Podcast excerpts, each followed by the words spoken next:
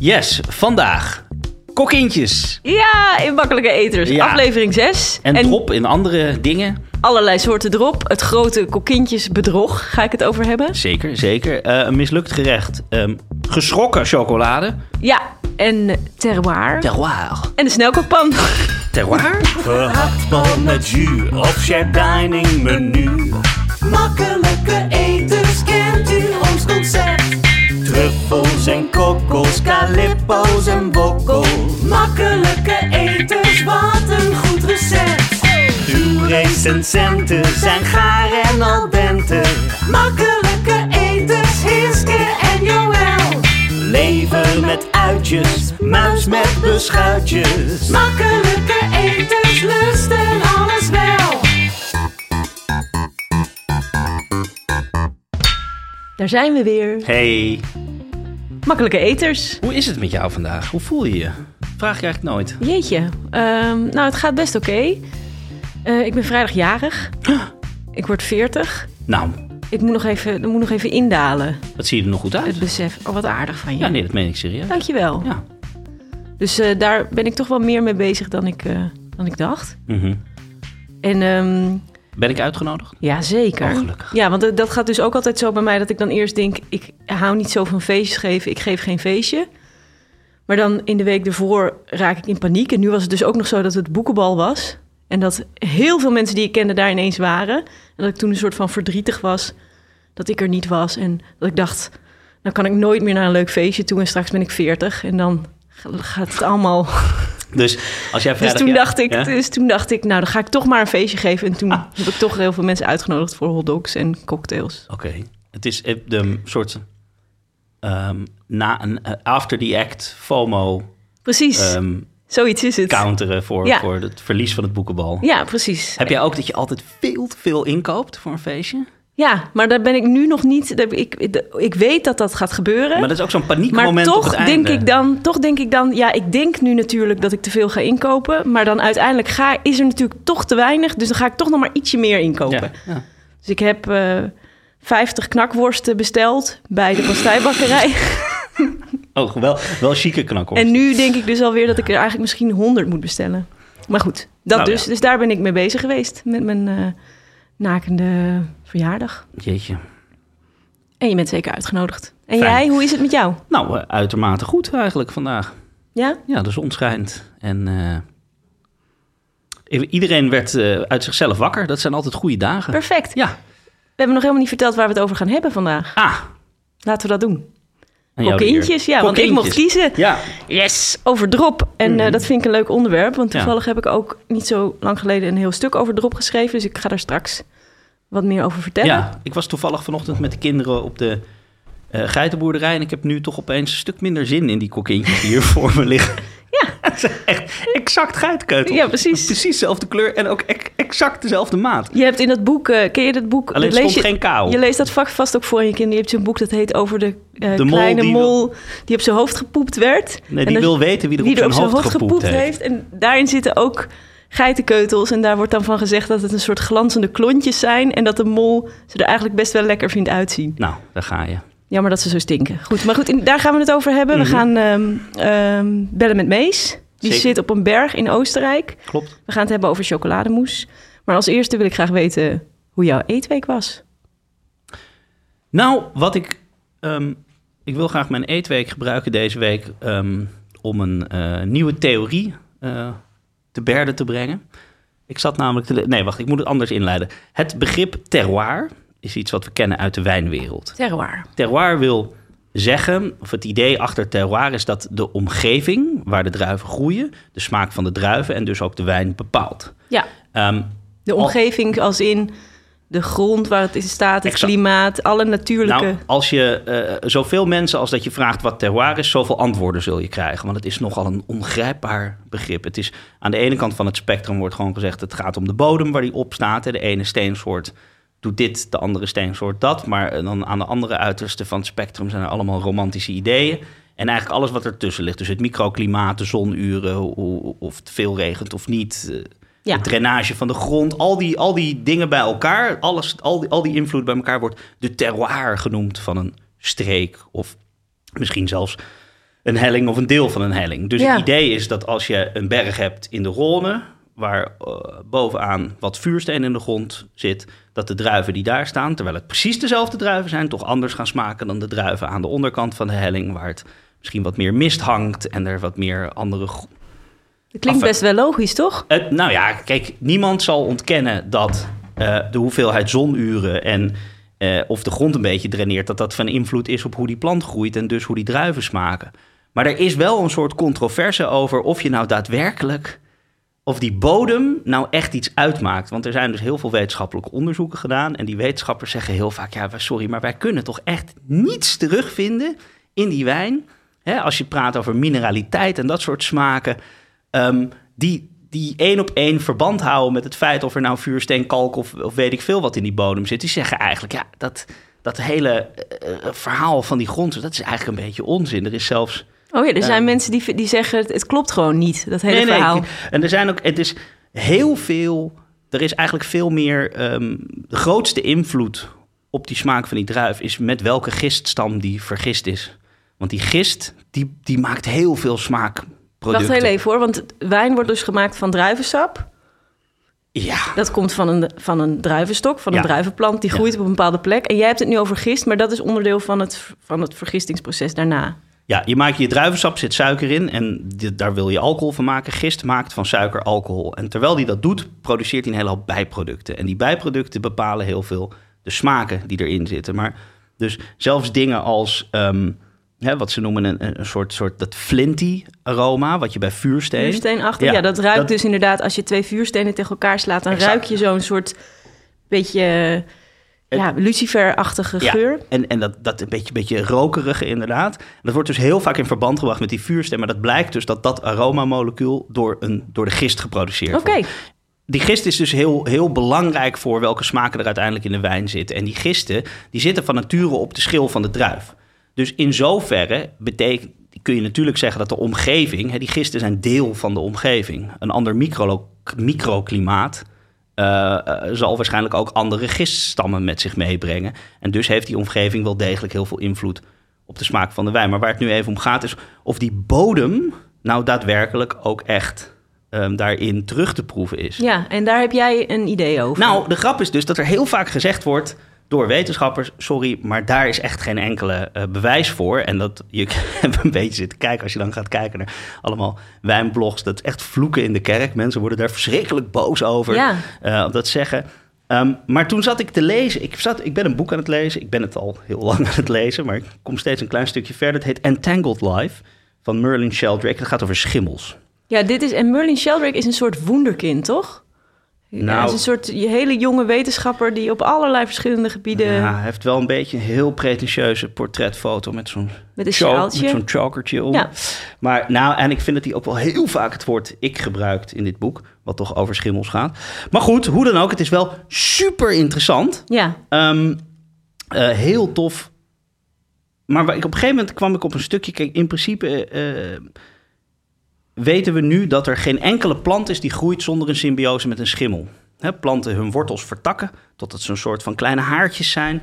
Maar zelfs die zijn nog niet dun genoeg om uiteindelijk het water en de nutriënten uit de grond te halen. Daar moet dan een, een schimmel, een symbiose mee aangaan. En die schimmel die kan zo nauw vertakken dat die, die, hè, die schimmel die, die krijgt wat suiker van de plant en die geeft al die nutriënten en het water uit de grond terug aan die wortels. dus dat is dan een, ander, een soort ander organisme... waar die plant mee samenwerkt. Een Exact. beetje net zoals wij in onze darmen... ook allerlei organismen hebben die met ons samenwerken. In zekere zin, ja. Ehm, maar dus je hebt, je hebt een wortelstelsel en daar moet altijd moet daar een, een, een, een schimmel aan vastzitten om uiteindelijk goed die nutriënten uit de grond te krijgen. Ja. Maar er zijn natuurlijk honderden, duizenden verschillende schimmels. Dus die planten kunnen met verschillende schimmels een symbiose aangaan. En nou las ik dus een stuk in dit boek waarbij ze eh, onderzoek hebben gedaan waarbij er blijkt dat een aardbeienplant, exact dezelfde aardbeienplant, door met een andere schimmel een symbiose aan te gaan, dus andere vorm aardbeien gaat maken, meer aardbeien gaat maken. Met sommige andere schimmelsymbioses zijn ze opeens een stuk aantrekkelijker voor hommels.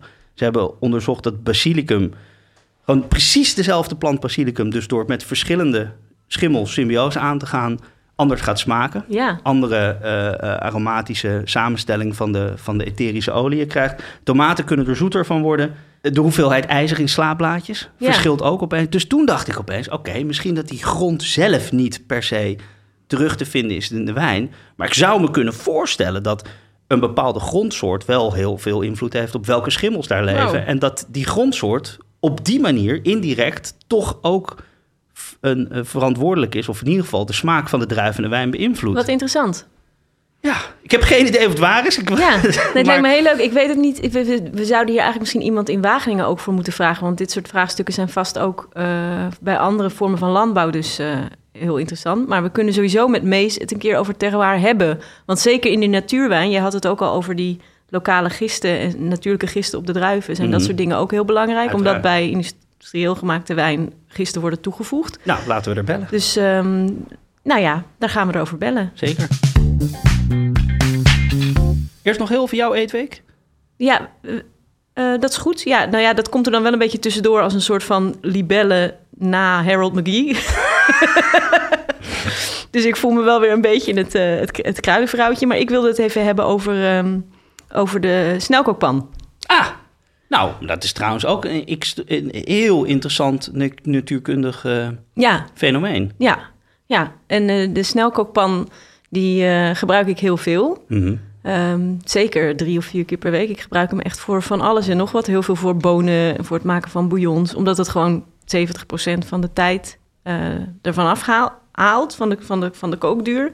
En ik heb mijn snelkookpan ook geërfd van Johannes van Dam. Dus dat is ook leuk. Het is een enorm monster van een Fiesler is het. Een Fiesler snelkookpan die ook niet kapot kan.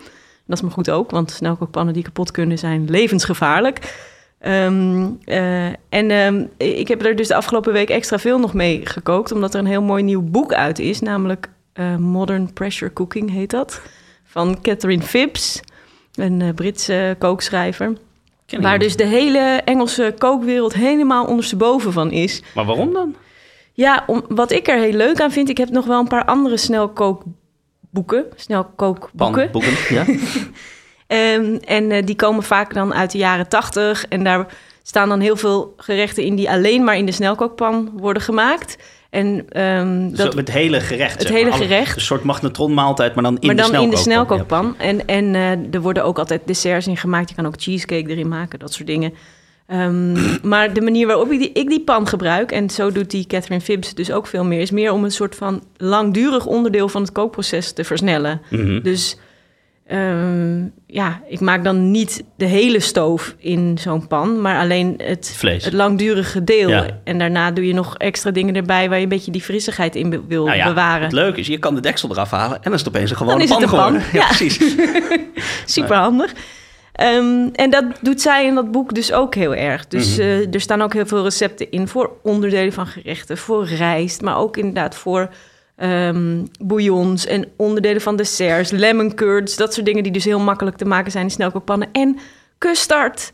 En ik hou dus heel erg van, van custard. Maar dat kun je niet roeren. Nee, en dat hoeft dus ook niet. Oh, Het is echt fantastisch. Ja, hoe gaat dat dan? ja, je doet gewoon eigenlijk alles in die snelkookpan en daar, daar kookt custard van. Je moet Jee. het op lage druk doen. En, eh, en terwijl ik heb echt een soort custardangst, omdat het dus heel snel gaat korrelen. Custardangst. Ja, Mooi. dat is met, en met, eh, met curds, met Mhm, lemon curd mhm. en de passievruchtcurd en zo is dat ook zo. Want er zit ei in, dus als je het te hard kookt, dan krijg je een soort roerij. Precies, ja. Maar dat is hierbij dus niet. Dus ik ben heel enthousiast over dit, eh, dit boek. En ik ben niet de enige, want ik zag ook een soort laaiende recensie van Nigella Lawson erover. Die soort Koreaanse varkensribbetjes erin had klaargemaakt. Het zijn eigenlijk, wat ik er zo fijn aan vind, zeker voor het thuiskoken, is dat je ineens allerlei dingen waar je wel heel erg zin in hebt na een hele drukke dag. Maar die je nooit, eigenlijk nooit kan maken. Want dat zijn juist die lange stoofgerechten of een heel lekker potje bonen of zo. Dat je die ineens toch gewoon aan het eind van de dag kan maken. Dus ik vind het voor thuiskoken echt een eh, Maar eh, hoe- eh, ja, want hoeveel scheelt het? Hoeveel tijd? 70% minder tijd. Jezus. Ja, Hey, en het is ook zo bijvoorbeeld met bonen. Die moet je normaal van tevoren weken. En dat hoeft dus ook niet in de snelkookpan. Het is, we- weet je het principe ehm, van de snelkookpan? Vertel. Nee, maar dit is namelijk heel interessant. Ja, nee, dat weet ik. ehm, omdat je dus de, de, je bouwt druk op. En daardoor ehm, kun je het water heter maken voordat het kookt. Ja, Dat is, als je in de bergen een ei kookt, dan kook je water, die kookt al op, I don't know, 70, 80 graden of zo. Dan moet je dus Mhm. heel lang je ei koken, want dat water, dat, dit- ik bedoel... dat verdampt gewoon voordat het je ei gaar ja, maakt. omdat er Ja. dus geen luchtdruk is, kan het eerder, kunnen die gasbellen eerder de lucht in. En hoe, Ja. hoe hoger je de druk maakt, hoe, hoe langer dat water dus in die In liquide fase wordt gehouden. En kun je dus wel tot 120 graden gaan voordat het begint te borrelen. Want als het eenmaal kookt, dan, dan kun je de temperatuur niet hoger maken. Hè, want Ja. dan verandert het in gas.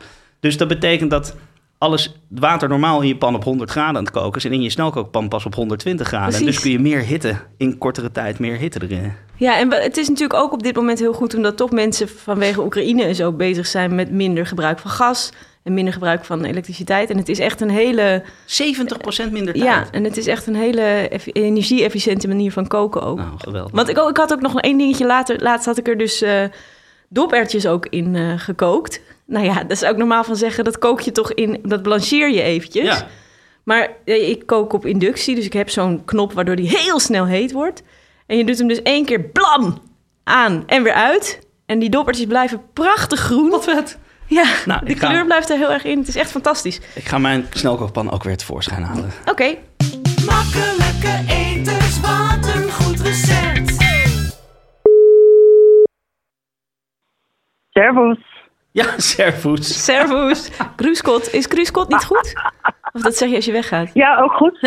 ja, maar servus is eh hoi en doei. Oké, vertel even waar je bent.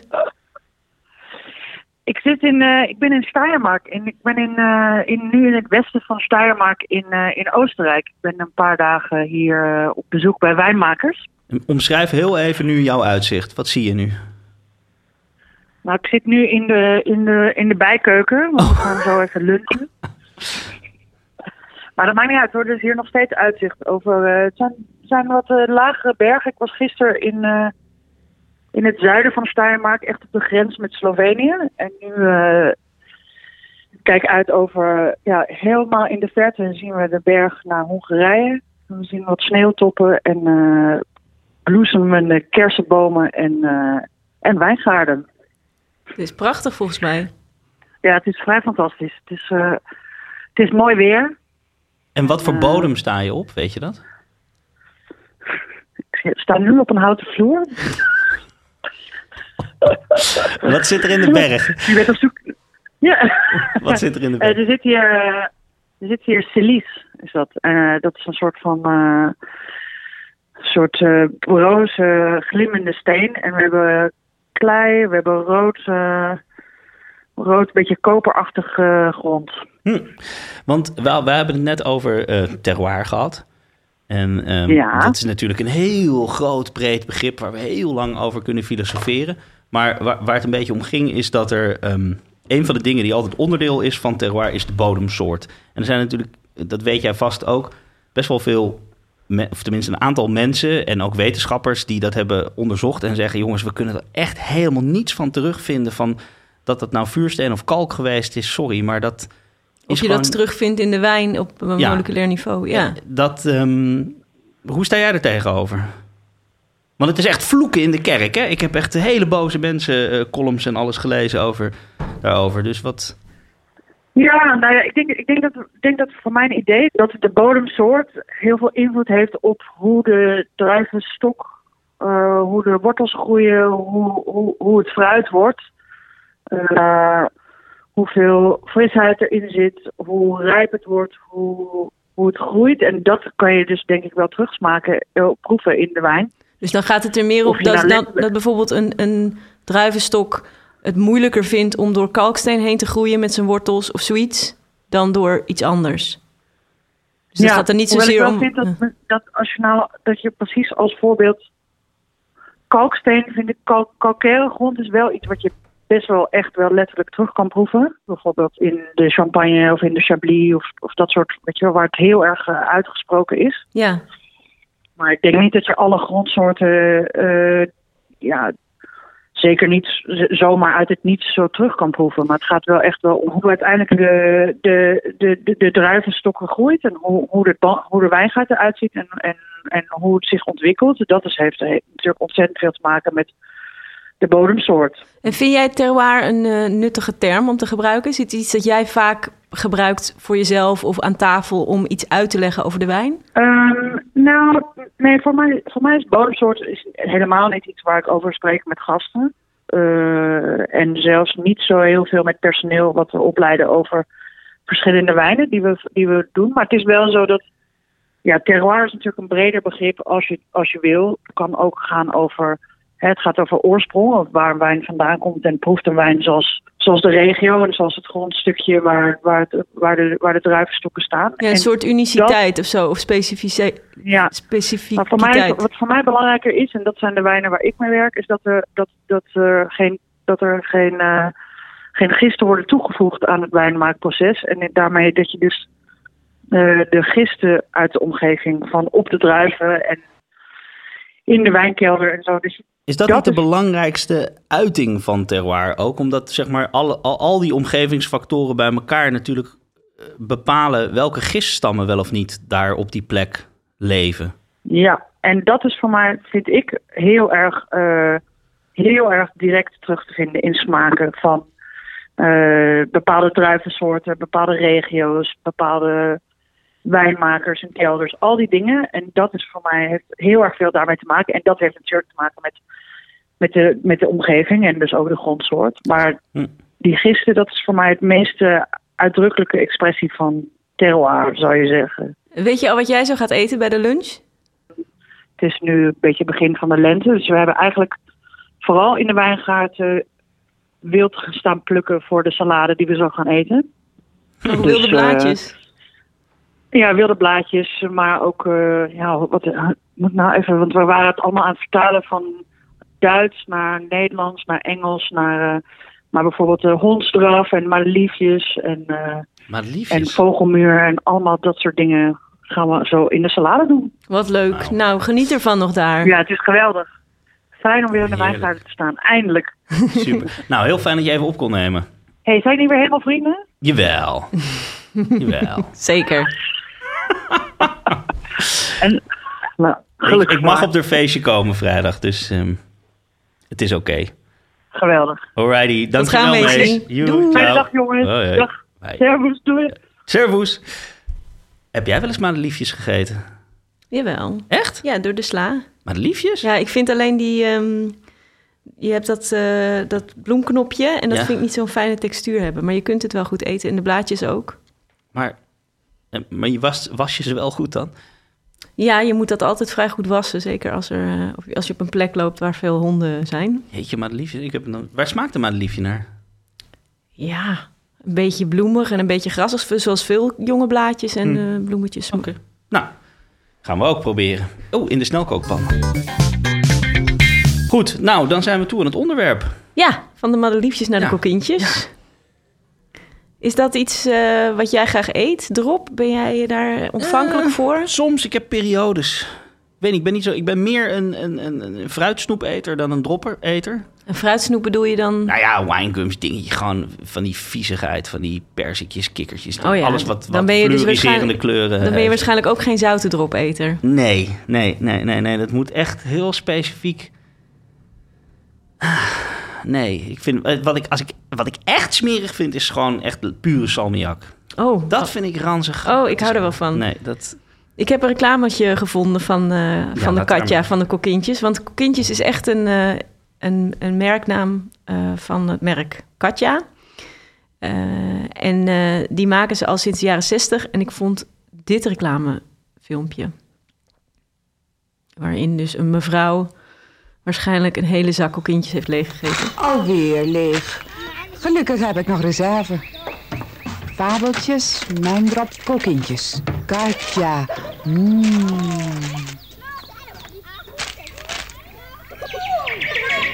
Voordat ze weer op zijn. Katja, de lekkerste zachte drop.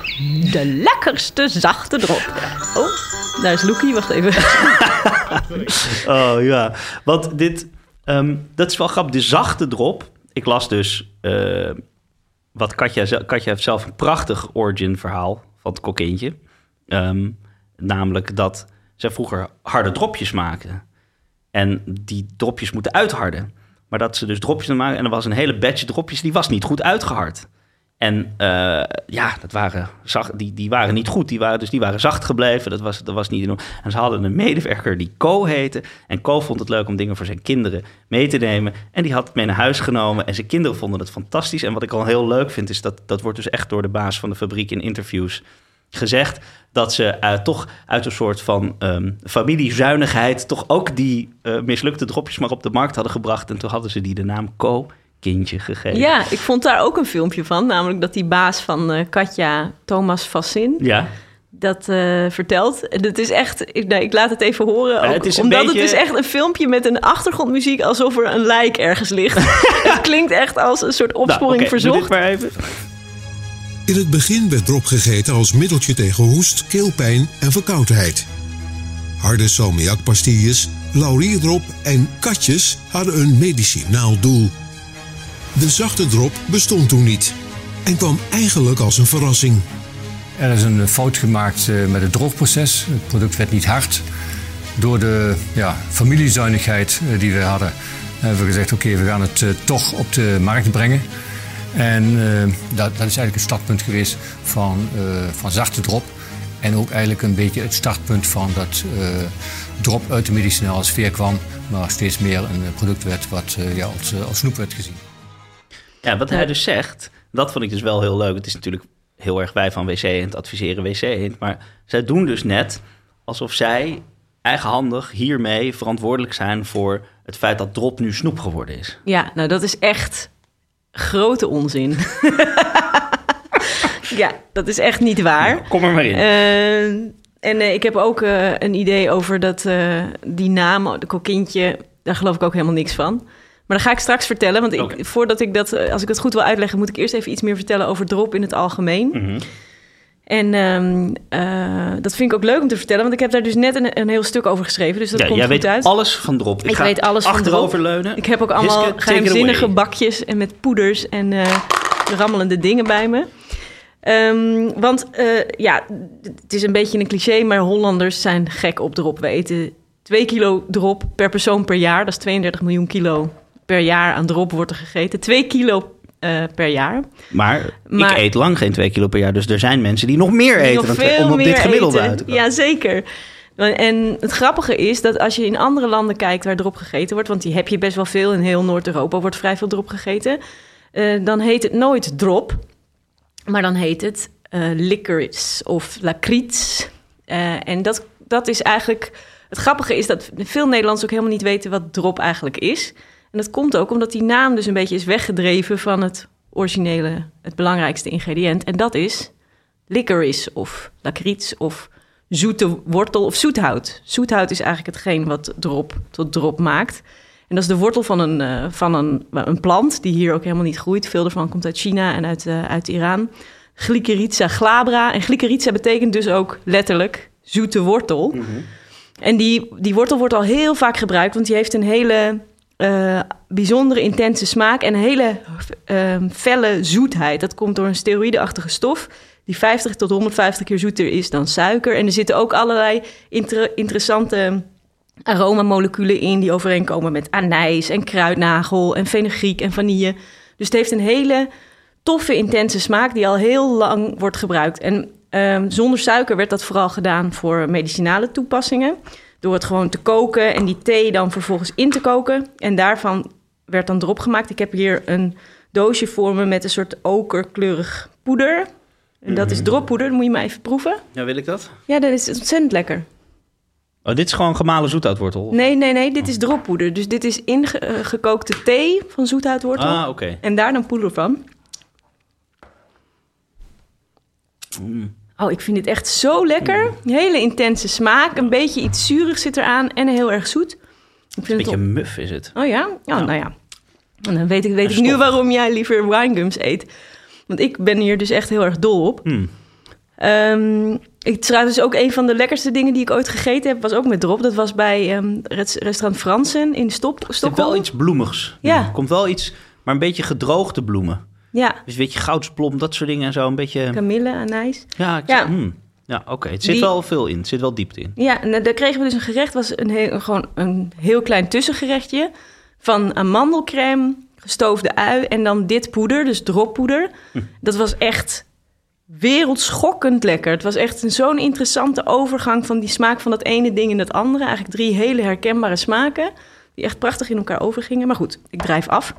Ehm, nou ja, die drop die werd dus eh, vaak dit, van dit poeder en eh, van ander ingekookt sap werden eh, druppels gemaakt Mhm. bij apotheken. En dat heette dus drops van zoethout. En dat, dat werd later drop. Dus vandaar komt die naam. Serieus? En het is denk ik de... Maar ja. sorry. één vraag tussendoor. Druppel is het Nederlandse woord. Drop is het Engelse woord. A drop. Waarom is het dan in het Engels licorice? En hebben wij in Nederlands het Engelse woord voor druppel? ja, volgens mij was drop ook het Nederlandse woord voor druppel vroeger. Oh. En in, Engel, ja, in Engeland hebben ze dus geen drops genoemd, maar gewoon... eh, of een beetje, wel gebruiken bijvoorbeeld ook perendrups en zo. Dus het is een beetje vanuit dat Mm, idee. Oké, goed. Ehm, en het is inderdaad zo dat, er, dat, het dus vooral voor medicinale toepassing werd gebruikt. Maar dat is al veel eerder dan dat eh katja bestond. Werd er ook al suiker aan toegevoegd en werd er dus eh, snoepdrop van gemaakt. Ehm, bekende Amsterdamse fabrieken waren bijvoorbeeld de Venco en ehm, de Kleene... die vanuit Rotterdam naar Amsterdam zijn gekomen. maar werd er toen ook al zeg maar iets van, van Arabisch gom of gelatine aan toe? Of was het nog hard? Ja, dat is een hele goede vraag. Want de, de, wat, het, het oude drop, wat drop maakte, was altijd gemaakt dus van zoethout en Arabisch gom. En Arabisch gom is inderdaad een bindmiddel. En van Arabisch gom krijg je harde drop, die wel heel lekker wegsmelt in je mond. Ik heb dropjes bij me van suikerbakker Joris uit, eh, uit Brussel. Dat is echt een fantastische ouderwetse suikerbakkerij. Die, met, die als een van de weinige. Ja, nog met, eh, met veel Arabisch gom en veel zoethout werken. Want de meeste moderne drop... dat je- Custardangst en suikerbakker. Dat Ja. zijn de woorden die ik meeneem van Een vandaag. suikerbakker is gewoon een woord voor een snoepfabrikant. Hm. Ehm, en dit is dus inderdaad met, eh, met zoethout en Arabisch gom. En eh, Arabisch gom is hard. Arabisch gom is ook duur. Hartstikke duur. Het is echt nog steeds, daarom wordt het nu ook zo weinig meer gebruikt. Het is de hars uit een ehm, subtropische acacia-soort, ik, hè? Zoiets. Ja, klopt. Helemaal Die- juist. die- als je die daar wonden eigenlijk maakt in de, in de boomschors... dan gaat hij zelf dat helen door, door het dicht te plakken met, ja, met, precies. die, met die hars die hij produceert. En dan Ja. kun je dan oogsten ervan af. Als je die, die wonden maar open houdt, dan blijft dat spul eruit. Ja, en, eh, en Arabisch gom komt heel veel uit eh, landen waar een heel instabiele politieke situatie is. Dus die aanvoer is heel eh, onregelmatig en het is hartstikke duur. Hij is wel nu al, kan er wel op kouwen. Ja, Hij is niet rock hard. Het is niet, niet alsof je er echt op moet... dat je hem alleen maar als een boterbabbelaar kapot kan knalen. Nee, nee, nee, Hij, is maar- wel, hij begint nu wel ja, een soort van mee te geven. ja, ja, nee zeker.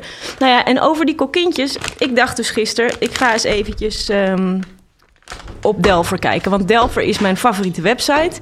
Dat is een eh Delver.nl die ik altijd aan iedereen eh, aanraad. Omdat dat alle kranten, alle Nederlandse en Belgische kranten heeft van... ehm, nou ja, ik denk van de afgelopen 300 jaar of zo. Er staat ongelooflijk veel op. En je kunt het gewoon iets intoetsen en dan gaat het terug tot nou ja, de eerste keer dat zo'n term erin zat. Dus ik heb daar een kokintje in getoetst.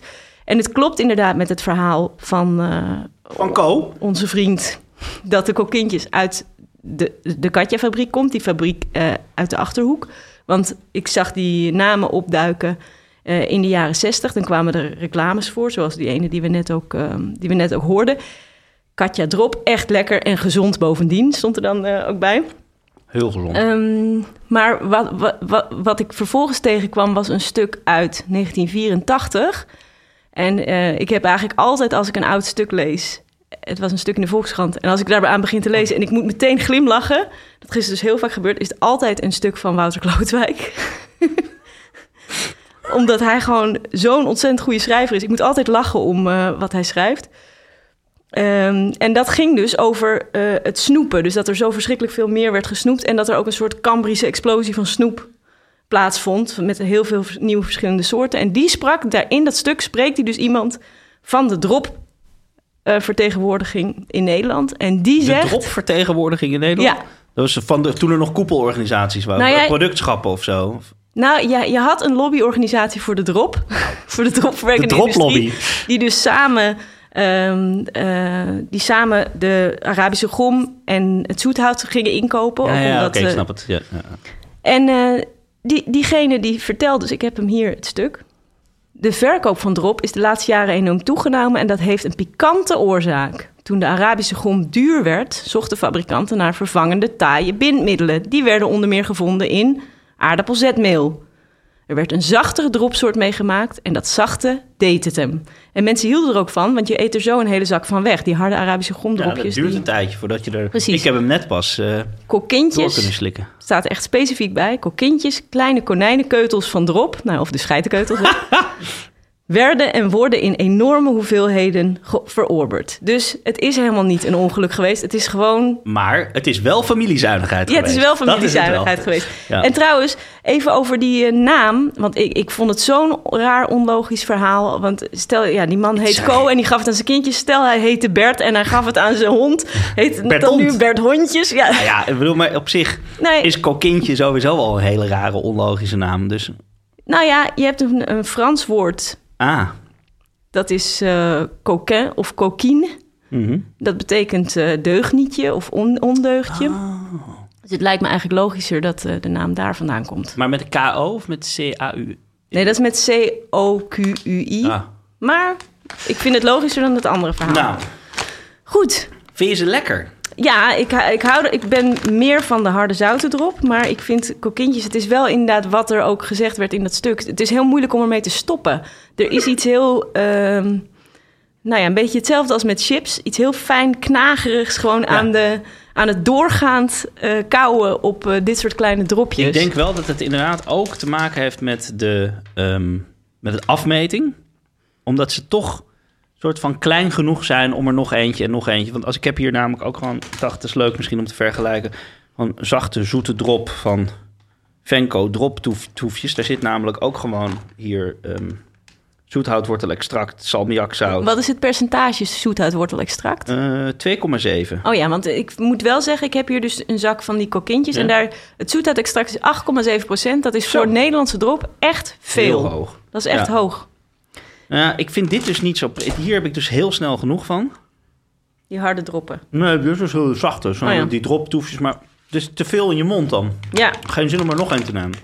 nou ja, drop is vaak, heeft vaak ook nog toegevoegde andere specerijen bijvoorbeeld erin. Mhm, mhm. Eh, en bij kokintjes is dat ook een heel specifiek mengsel, namelijk van kamille, salie en gentiaan. Staat dat erop? Ja. Oh ja, want hier staat alleen maar ehm anijsolie.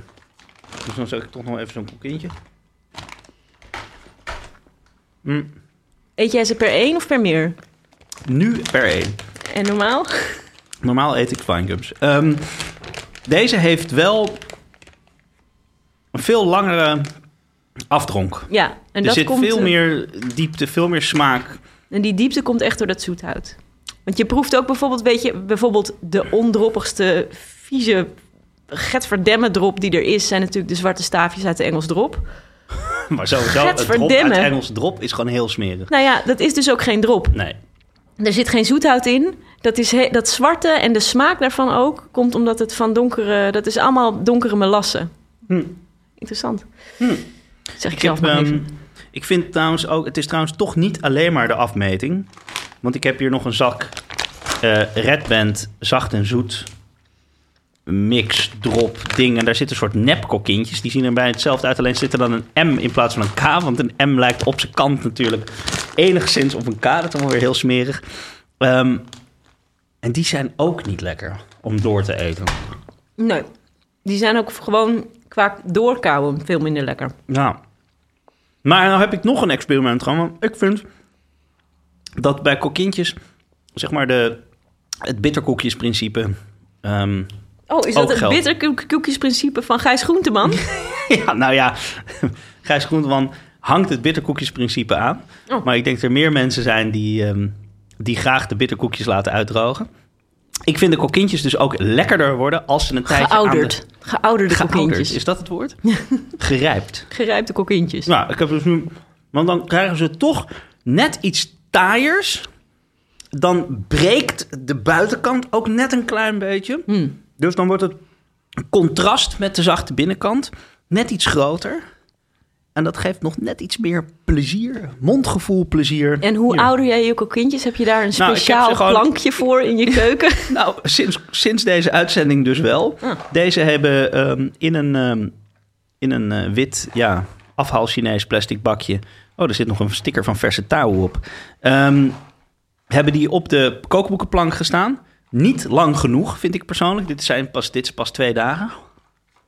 Oh ja. Ja, En dat begint al iets trekkeriger te worden aan de... ik snap wat je bedoelt. Ja, heel lekker. Ik- Het is wel het lastige met kokintjes is dat het wel van alle drop het allervervelendst in je kies blijft zitten. Het gaat enorm tussen je tanden zitten. Maar Ja. goed, dat hebben we ervoor over. Nou, hartstikke leuk. Ja, ik vind wel, ik ben geen, ik ben geen dropsnoeper. Ik vind de smaak van drop, wel de toon, wel in, in hartig eten vaak heel gaaf, heel lekker. Ja. Als je namelijk ehm, vezelrijke plantaardige producten eh, inkookt of reducties maakt. Ik, had, ik zat afgelopen zaterdag bij een heel goed restaurant te eten. Ehm, en ik kreeg als amuse een, een bouillon van aardperen. En ik durf te wedden dat daar die schillen ook in die bouillon zijn. Want het is zo, was, zo, was een diep donkerbruin. Zo. En er begint een soort van droppigheid. Je kan het ook hebben als je knolselderij jus. Maar als je een jus, weet je wel, dat met veel laurier erin. En dan, ik heb het zelfs, en dat vond ik eigenlijk wel het tofste. Ik heb toen in de...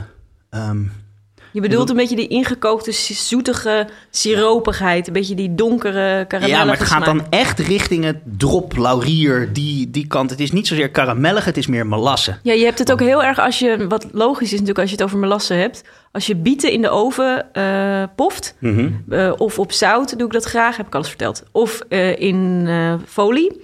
Dan komt er ook, als je ze lang poft, komt op een gegeven moment zo'n soort van rood vocht uit. En dat is ook heel erg melassenachtig. Ja. Dat is natuurlijk ook eigenlijk, Nee, dat is melassen het. is, Nou natuurlijk- ja, melassen is natuurlijk... Als je suiker maakt, dan ehm, kook je je suikerbieten in water... en dan lost alle suiker op in, die, in, in dat vocht. Maar er komen natuurlijk ook allemaal plantaardige ehm, spulletjes in. Dat kook je dan helemaal in tot er een soort oververzadiging ontstaat. Dan kristalliseert dat suiker, maar daar zit daar omheen nog een heel klein laagje... van die vieze melassen van het bruinige spul wat er wat, wat ook op hè, zo- wat al die andere plantenrestjes en deeltjes en dingetjes die ook in die suikerthee zijn opgelost, die gaan om die kristalletjes heen zitten en dan wordt het gecentrifugeerd en dan slaan ze al dat eh, dat, dat plantaardige extra spul eraf en dan hou je dat witte kristalletje over. Dat Ja. is de kristalsuiker. refined. Ja, en dat spul wat er afgeslagen wordt, dat is melasse. Ja. Dat is ook heel zoet, want er zit natuurlijk ook nog steeds een hele hoop suiker in opgelost. Maar dat heeft dus een hele, ja, hele donkere, diepe, Beetje ehm, zurige. stroperige en droppige. En rins. Dus je noemt het, je hebt ook rinse appelstroop natuurlijk. Dus wat, app, wat in appelstroop zit. Ik dacht dus heel lang dat dat een plaatsaanduiding was. Dat oh, dat dat je gewoon appelstroop uit, uit rins. rins. of was. maar goed, inderdaad. Maar ik vond het dus maar het allerleukste. Ik heb in de lockdownperiode, toen we niet konden recenseren, heb ik, ehm, heb ik in de krant, NRC, heb ik een, een eh, serie geschreven. Ik dacht, ja, iedereen moet thuis eten. Iedereen moet ook thuis drinken. Dus ik ben een serie gaan schrijven over sterke drank of al- allerlei drankcategorieën. Als soort van wat nou als je je wil gaan verdiepen in whisky of in sherry Ja. of waar, waar begin je? Wat Hele gewoon de basics. serie. Ja, het was echt ook heel leuk om te doen. Eh, proeverij met een expert, ja, dat is natuurlijk fantastisch. En toen heb ik dus een aflevering over rum gemaakt. En rum, je hebt twee soorten rum. Rum die puur van suikerrietsap wordt gemaakt.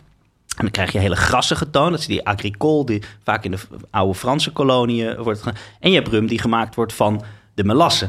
Want het was eigenlijk was die melasse was een, een, een bijproduct van de suikerproductie. Ja, En daarvan werd dan de rum gestookt. En in die, hè, dat zijn vaak de Spaanse en de Engelse koloniën waar het nog echt van melasse wordt gemaakt. En in die had op een gegeven moment een, ehm, ja, waar, wat, even kijken hoor. Het was een, eh, van Jamaica kwam hij. En daar zat zoveel, was bijna, je kon in die rum bijna die carcinogenen verbranden van die, van die karamel kon je terug proeven en een soort toffieappel en, en, en eh, op een gegeven moment zat er echt bijna trekdrop smaken zaten er in die rum. En dat was zo ontzettend gaaf dat je dat, nou ja goed, wat cool. ik drijf ook een beetje af. Maar het, ehm, ja, nee, drop dus in rum, in andere zaken, in, in bouillon. Zeg je, als je dingen met zwarte bonen of gefermenteerde knoflook doet, krijg je, kon je soms ook een beetje van die droppige tonen krijgen. Ja. Dan vind ik het wel, ehm, een hele mooie, bijzondere smaak in hartige gerechten. Heel tof. Ja. Genoeg over drop? Ik denk het, ja. Ja. Makkelijke etens, Hiske en Joël. Ja, wat ook wel leuk was toen ik bezig was met dat stuk over die drop, is dat ik dus, ehm, ik sprak een eh drop marktkoopman, namelijk meneer Klepper, die trouwens ook een dropmerk heeft, Klepper en Klepper. Eh, en een, eh, ehm, een, een dropkraam op de markt eh, in Alkmaar. En die vertelde dus ook over mensen die bizarre hoeveelheden drop kochten, maar vooral eh, van trekdrop. Want trekdrop, eh, weet je wat dat is? Nou, ik kwam wel heel even eh, het tegen dat er op een gegeven moment... Je hebt gegoten en getrokken drop. Zag ik. Oh nee, maar trekdrop heet volgens mij gewoon trekdrop omdat je het zo goed kunt uitrekken.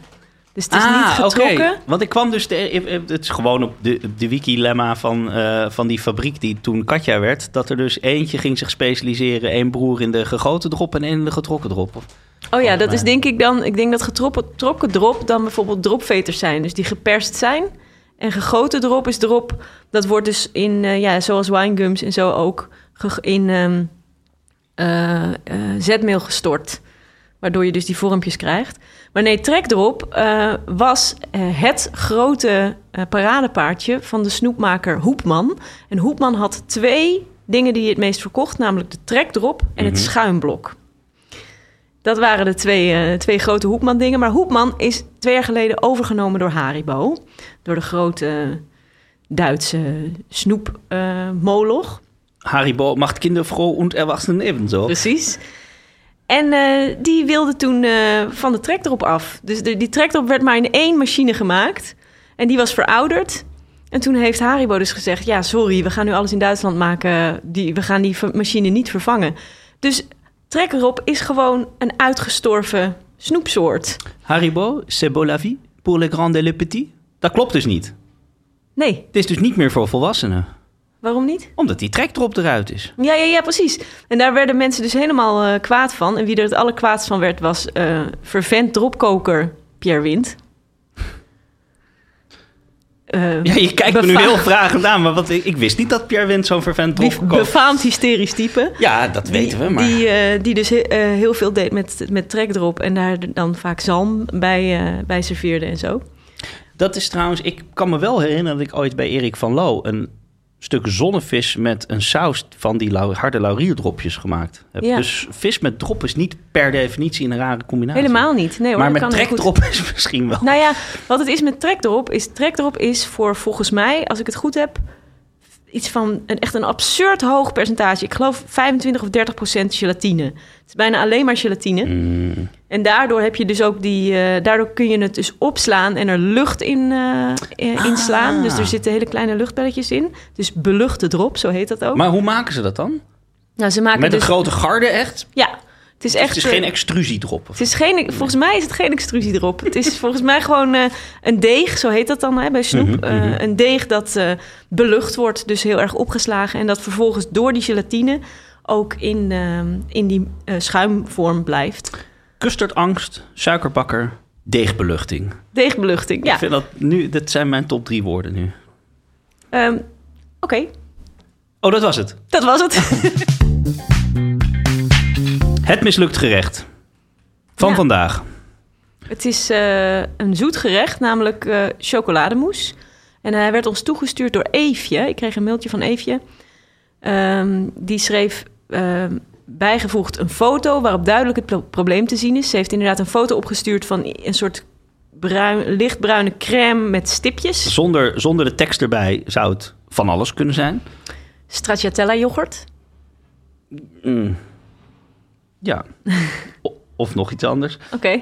Ehm, we, gaan hem, eh, we zullen hem even in de show notes zetten. Ehm, het probleem is dat ze dus chocolademousse wil maken... maar dat er klontjes of stukjes in de mousse komen. Ze schrijft... Telkens wanneer ik het mengsel van gesmolten chocolade... en luchtig geknopte, geklopte eidooiers... door het eiwitschuim wil spatelen... stolt de chocolade te snel. En daardoor mengt die niet meer goed... en krijg ik chocoladeklontjes.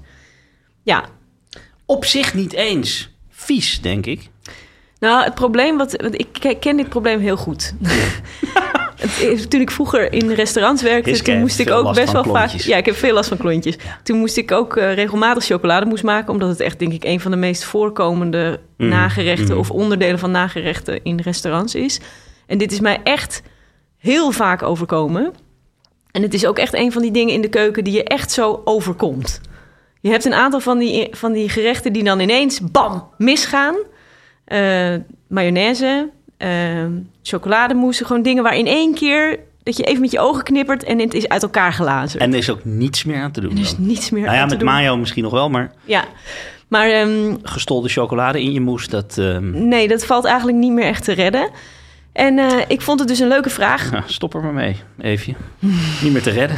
En eh, ben dus ook even gaan kijken in mijn kleine... Ik heb een klein klappertje wat ik altijd meenam in de restaurants waar ik werkte... naar hoe die recepten nou eigenlijk in Mhm. elkaar zaten van de Mhm. chocolademousse. Want het is op zich natuurlijk een vrij eenvoudig gerecht. Je wil chocola, je wil er lucht in... en het moet een beetje zoet zijn en het moet lekker luchtig zijn. Maar er zijn echt extreem veel verschillende recepten Ja, voor. ik zat nog na te denken ook, want ik bedoel, wat ik al eerder al zei, ik ben niet per se een bakker, maar dit, ik maak ook wel eens chocolade, maar toen zat ik te denken, hoe doe ik dat? Ik doe het eigenlijk altijd op de automatische. Ik kon nog niet meer bedenken, doe ik nou eerst de slagroom en dan het eiwit? Of volgens mij gebruik ik zelfs de gele ook, de dooiers van de eieren. Ja. Nou ja, de eenvoudigste manier om chocolademousse te maken, de klassiek Franse manier, is eigenlijk zonder slagroom. Dus dat is alleen chocola en een ei. Elizabeth David maakt het ook zo. Je smelt chocolade, je spatelt het eigeel erdoor en je, eh, het opgeslagen eiwit spatel je daar weer door. That's it. Ah, Dat is een heel eenvoudige manier. Maar het lastige met chocolademousse is dat er een aantal dingen in zitten die dus die neiging hebben om je eh, te laten struikelen. Want chocola is een. Ja, precies. Chocola is een, is een, is een emulsie, een water- in vetemulsie. Eh slagroom is een eh, vet- in wateremulsie. En emulsies die, die hebben de neiging om als er dus iets onverwachts verandert in de omgeving... om, om uit elkaar te, laten, om te splitsen, de schrift in te gaan. Ehm, en wat kan helpen, eh, ik weet niet precies hoe Eefje het zelf deed... maar wat, wat, wat een beetje kan helpen is dat je de chocola een beetje verdunt in wat een ganache heet... Dat betekent dat je chocola eigenlijk versnijdt met eh, zuivel. Dus met... Maar is het een probleem van het, gaat de chocolade schiften of gaat die gewoon stollen? Nou, dat is dus... Chocola kan allebei doen. Ja, Ehm, maar wat ik... Mag ik heel even... even- Sorry. eh, want anders dan raak ik zelf in de war. Ik wilde eerst even vertellen dat je die chocolade dus kunt versnijden met iets anders... waardoor die iets dunner wordt. Dus vaak wordt daar boter voor gebruikt of slagroom. Of eh, slagroom. Maar ook wel eens een beetje heet water. Of hete espresso is ook heel lekker. Hete espresso bij je chocola, terwijl je hem dus rustig laat smelten. Want chocola die te heet wordt, gaat sowieso heel erg korrelen. Dus het moet altijd au bain-marie en heel voorzichtig. Je moet er eigenlijk een beetje voor zorgen als voor een eh, heel verwend kind. Dus eh, eh, niet laten schrikken, weet je wel. niet te snel in een nieuwe situatie neerzetten. Gewoon heel rustig en met zelfverzekerdheid eh, laten zien wie er de baas is. En ehm, die chocola die moet dus rustig smelten. En dan kun je wat vettige dingen erdoor doen. Nou, dat helpt al een beetje. Wat ik denk dat er misgaat bij Eefje... is dat de chocolade, als zij de eidooiers erdoor doet... want ze schrijft namelijk dat, ze, dat het niet alleen zo is... dat die klontjes er komen op het moment dat ze het eiwit erdoor spatelt... maar dat als ze de eigelen door de chocola roert... dat het dan een soort chocoladepasta wordt. Nou, dat geeft eigenlijk aan dat die chocolade te warm is en het ei te koud. En dan schrikt die chocola en die gaat heel snel stollen en dat krijg je eigenlijk niet meer, niet meer goed. Dus het, de, het is eigenlijk zaak om te zorgen dat het eiwit op kamertemperatuur is. Dus Mhm. dat je eieren en het eigeel ook. Het eigeel en het eiwit op kamertemperatuur is. En dat je je chocolade, als die gesmolten is, liefst dus met een beetje boter erdoor of een beetje hete slagroom erdoor, dat je hem even laat terugkoelen tot hij op lichaamstemperatuur is. Dus je Ah. steekt even je vinger erin en als je dan denkt, hoe warm, dan moet je nog even wachten. ja, ja. En daarna kun je gaan spatelen. En vervolgens kun je dus de, het eiwit erdoor spatelen, want dat is ook op kamertemperatuur. Daar schrikt die chocolade niet te erg van. En dan als je wil, zit niet in alle recepten, maar als je wilt, gaat vaak ook nog opgeslagen slagroom doorheen. Slagroom krijg je niet goed opgeslagen als hij niet koud is. Dus die slagroom, Maar dan is je eiwit al er doorheen, dus dan ga je met die slagroom waarschijnlijk niet zo'n heel groot... nee. Maar die moet ook niet ijskoud zijn hoor, want dan Nee, kan nee. het alsnog... eh, Maar je kan je geslagen room toch wel een tikkeltje op laten warmen? Jawel, het ja, eenmaal- precies. eenmaal- Ja. Ik doe dus ook heel vaak dat ik, mijn, eh, dat ik twee, twee pannetjes met au bain-marie... dat ik dus de chocolade laat smelten eh, boven warm water... maar dat ik ook die eigelen al au bain-marie al wat opklop. Ja, dat kan ook. En Dat, dan- dat, dat, soort recepten heb je inderdaad ook. Dat je een soort van... Maar dan eh, maak, en dan, ik denk dat je daarmee ook de temperatuur al wat... ja, Dat je het allemaal al wat, wat, wat verzachtende omstandigheden... Ja. door dat bij iets warmer eigeel te doen... dat koelt het ook weer een Precies. beetje af. En dan, het gaat er vooral om dat je die chocolade dus niet te erg laat schrikken. oké, duidelijk. Ehm, en ik hoop dat dit eh, helpt. Ja, laat het ons weten trouwens. Hè? Als je nu zegt, ik heb het nog een keer geprobeerd na jullie tip... en er klopt geen reet van, dan willen we het graag horen. Maar ik vind het ook leuk om te horen als we je daadwerkelijk geholpen hebben. Ja, want we hebben dus wel eh, al een hele leuke... eh, van twee mensen een heel leuk antwoord gekregen over de soggy bottom. Van de soort van atoombunkers van eh Ja. kiesbodems. Die heel goed werkten met dat Maar- uitgestreken eiwit. Dus dat horen ook we ook echt heel een eye-opener. Ja, zelf. toch? Ja, nee, absoluut. En, maar en blijft natuurlijk ook vooral nieuwe mislukte gerechten Heel insturen. graag. Ja, want We, ik vind het elke keer wel heel leuk om het uit te puzzelen. Ja. En dan zijn we alweer aan het einde van deze zesde aflevering van Makkelijke Eters. Joël, volgens mij mag jij eh, de volgende keer een onderwerp kiezen. Nou, Ik had er drie weer waar jij uit mag kiezen. Namelijk eh boursin, oeh, lekker. after eight, Vies. Heel vies. het lekkerste wat er bestaat. Heel vies. Absurd dit. Ehm, en pizza. Oh, pizza. Ja, maar pizza, welk? Pizza is, pizza is huge. Pizza kunnen we zes afleveringen over maken. Oké, nou, Wat is jouw favoriete pizza? Pizza Napolitana. Ja, echt? Ja, Dat is mijn favoriete pizza. Met dus de, dan hebben we het over pizza met anchovies en kappertjes, hè? ja. En dan heel eventueel een facultatieve olijf. Ah, Het mag. Ja? Van mij mag dat. Da- nou, dan ga ik zeker voor de pizza napolitana. Oké, pizza Napolitana volgende keer. Alright, dankjewel. Tot dan. You. Arrivederci.